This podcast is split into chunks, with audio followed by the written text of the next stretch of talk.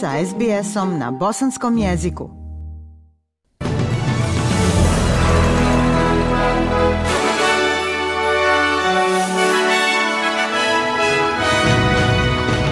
U današnjim vijestima poslušajte pokrenuta pitanja o australskoj kupovini američkih podmornica na nuklearni pogon. Burketown u Queenslandu očekuje kulminaciju poplave, I u sportu futbaleri Bormuta pobjedili ekipu Liverpoola sa 1 naprama 0.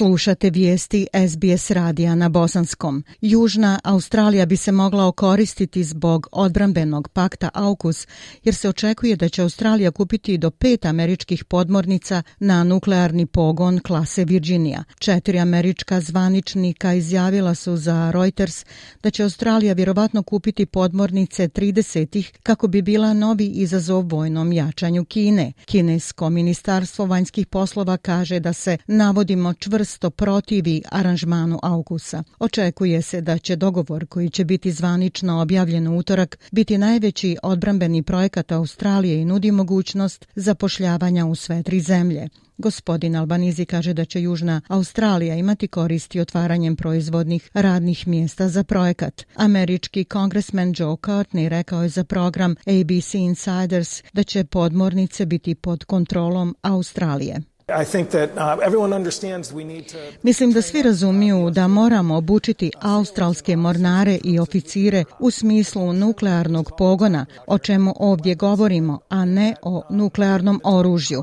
A kada dođe vrijeme da se vladi Australije preda brod, koji će opet biti uz puno razumijevanje pod kontrolom Australije. Poslanik koji predstavlja zajednicu Burktown u zapadnom Queenslandu kaže da je važno da svaka podrška bude dostupna da bi se stanovnicima pomoglo u današnjoj kulminaciji poplave i oporavku. Većina od 150 stanovnika grada evakuisana je helikopterima i avionima u susjedne zajednice. Rijeka Albert je već premašila 7 metara. Član biračkog tijela Robi Kater kaže da je važno da u narednim danima nema nema kašnjenja u dobijanju pomoći građanima. Svjedoci smo onoga što možete vidjeti svakih 10 ili 20 godina. To je eksplozija vode. Ljudi su već bili izolovani nekoliko mjeseci i traže još dva mjeseca za izolaciju. To je zaista veliko. Namirnice, gorivo, helikoptersko spašavanje, veliki problemi. I trebamo deklaracije o elementarnim nepogodama u nekim oblastima da bismo mogli dobiti sredstva tamo. Daleko je od gradova i ima ljudi koji vape za pomoć. Tropski ciklon Freddy ponovo je pogodio Južnu afričku državu Mozambik samo nekoliko sedmica nakon što je već prošao kroz zemlju i izazvao veliku štetu. Više od pola miliona ljudi je u opasnosti jer stanovnici zatvaraju preduzeća i zaustavljaju letove i upotrebu električne energije u mnogim dijelovima zemlje. Stanovnik Lučkog grada Kelimane Abibo Siade nervozno očekuje katastrofu.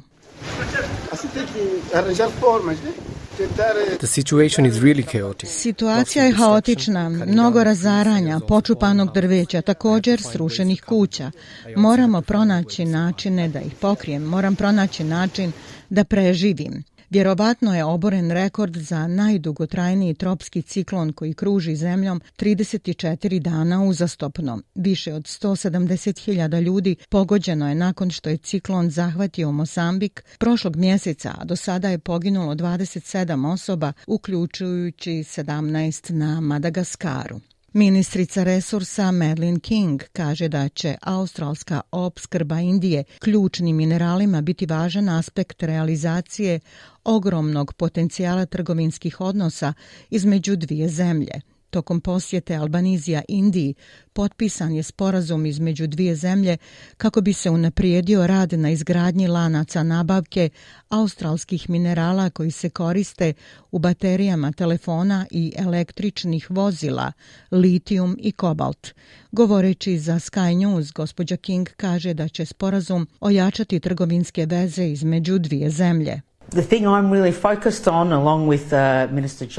Stvar na koju sam fokusirana zajedno sa indijskim ministrom Joshijem jesu ključni minerali. To je način na koji maksimalno koristimo naše prirodno bogatstvo u Australiji i radimo sa partnerima koji isto misle. Indija je ogromna, dio kvad grupacije, tako da prirodno odgovara po pitanju zajedničkog rada na ekstrakciji i preradi kritičnih minerala.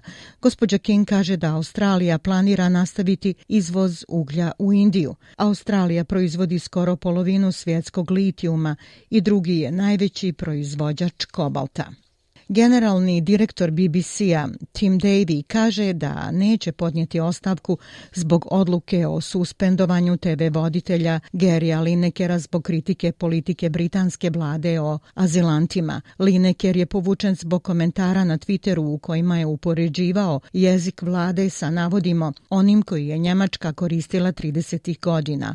Ove sedmice britanska vlada je predstavila nacrt zakona koji bi rezultirao trenutnim pritvaranjem i i konačnom deportacijom brodova kojim su doputovali azilanti. Došlo je do promjena u TV rasporedu kako bi se zamijenili sportski programi bojkotovani od strane voditelja i komentatora koji podržavaju Linekera. Govoreći na BBC-u, gospodin Davis se izvinuo gledaocima zbog promjena u programu, navodeći da radi na pronalaženju rješenja kojim će se Gary Lineker vratiti u emitiranje. Mi smo u promjenljivoj situaciji u kojoj uvijek postoji neka osuda. Ono što želim uraditi je da pronađem uravnoteženo, razumno rješenje gdje smo rekli da ljudi mogu izraziti svoje mišljenje. Ja to razumijem, imam samo jedan cilj, a on je osigurati da je BBC zaista nepristrasan. Italijanska obalska straža saopštila je da je spasila više od 1300 migranata u tri odvojene operacije na jugu zemlje. Prije dvije sedmice najmanje 74 osobe su poginule kada je njihov čamac udario u stijene u blizini obale. Sve veći broj dolazaka migranata vrši pritisak na italijansku konzervativnu vladu koja je preuzela dužnost prošlog oktobra, obećavajući da će smanjiti broj dolazaka, a da bi se ove godine suočila s naglim porastom takvih iskrcavanja iz Sjeverne Afrike i Turske.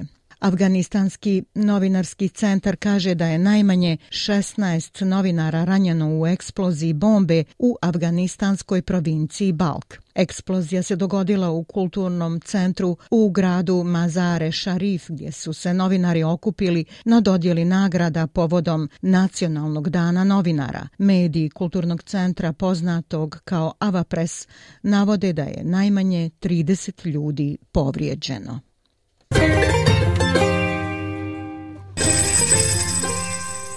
Prema kursnoj listi australski dolar danas vrijedi 0,66 američkog dolara, 0,62 eura, 0,55 britanske funte i 1,21 bosanske konvertibilne marke.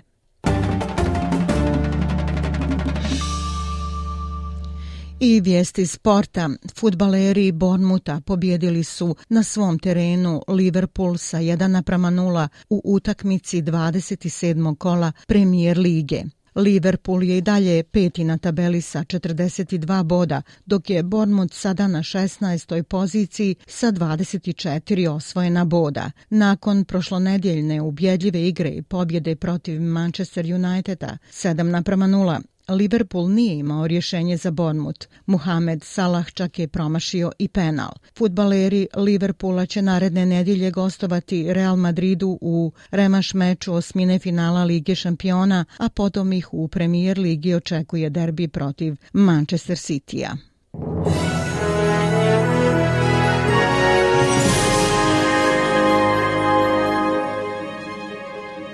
I za kraj vijesti poslušajte temperaturne vrijednosti za veće gradove u Australiji. U Pertu je sunčano 31, u Adelaidu 24 stepena, u Melbourneu oblačno 21, u Hobartu 18, a u Kamberi pljuskovi 26, u Sidneju 27, u Brisbaneu 31 i u Darwinu djelimično oblačno 33 stepena. Bile su ovo vijesti SBS radija na bosanskom jeziku. Ja sam Aisha Hadži Ahmetović. Ostanite i dalje s nama.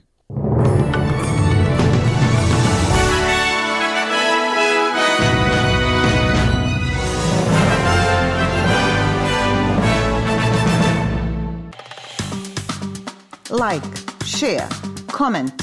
Pratite SBS Bosnian na Facebooku.